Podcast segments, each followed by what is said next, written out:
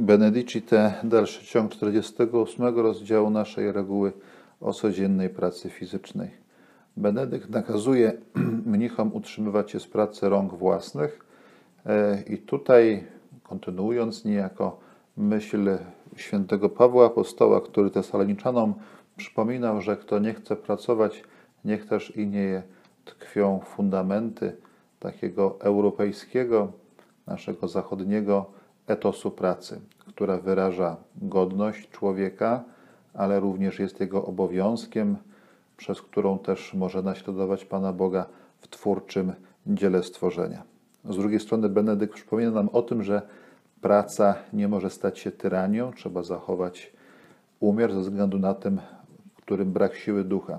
Dzisiaj jesteśmy rozdarci pomiędzy lenistwem a pracocholizmem. Prośmy, aby święty Benedykt nauczył nas odnajdować drogę środka.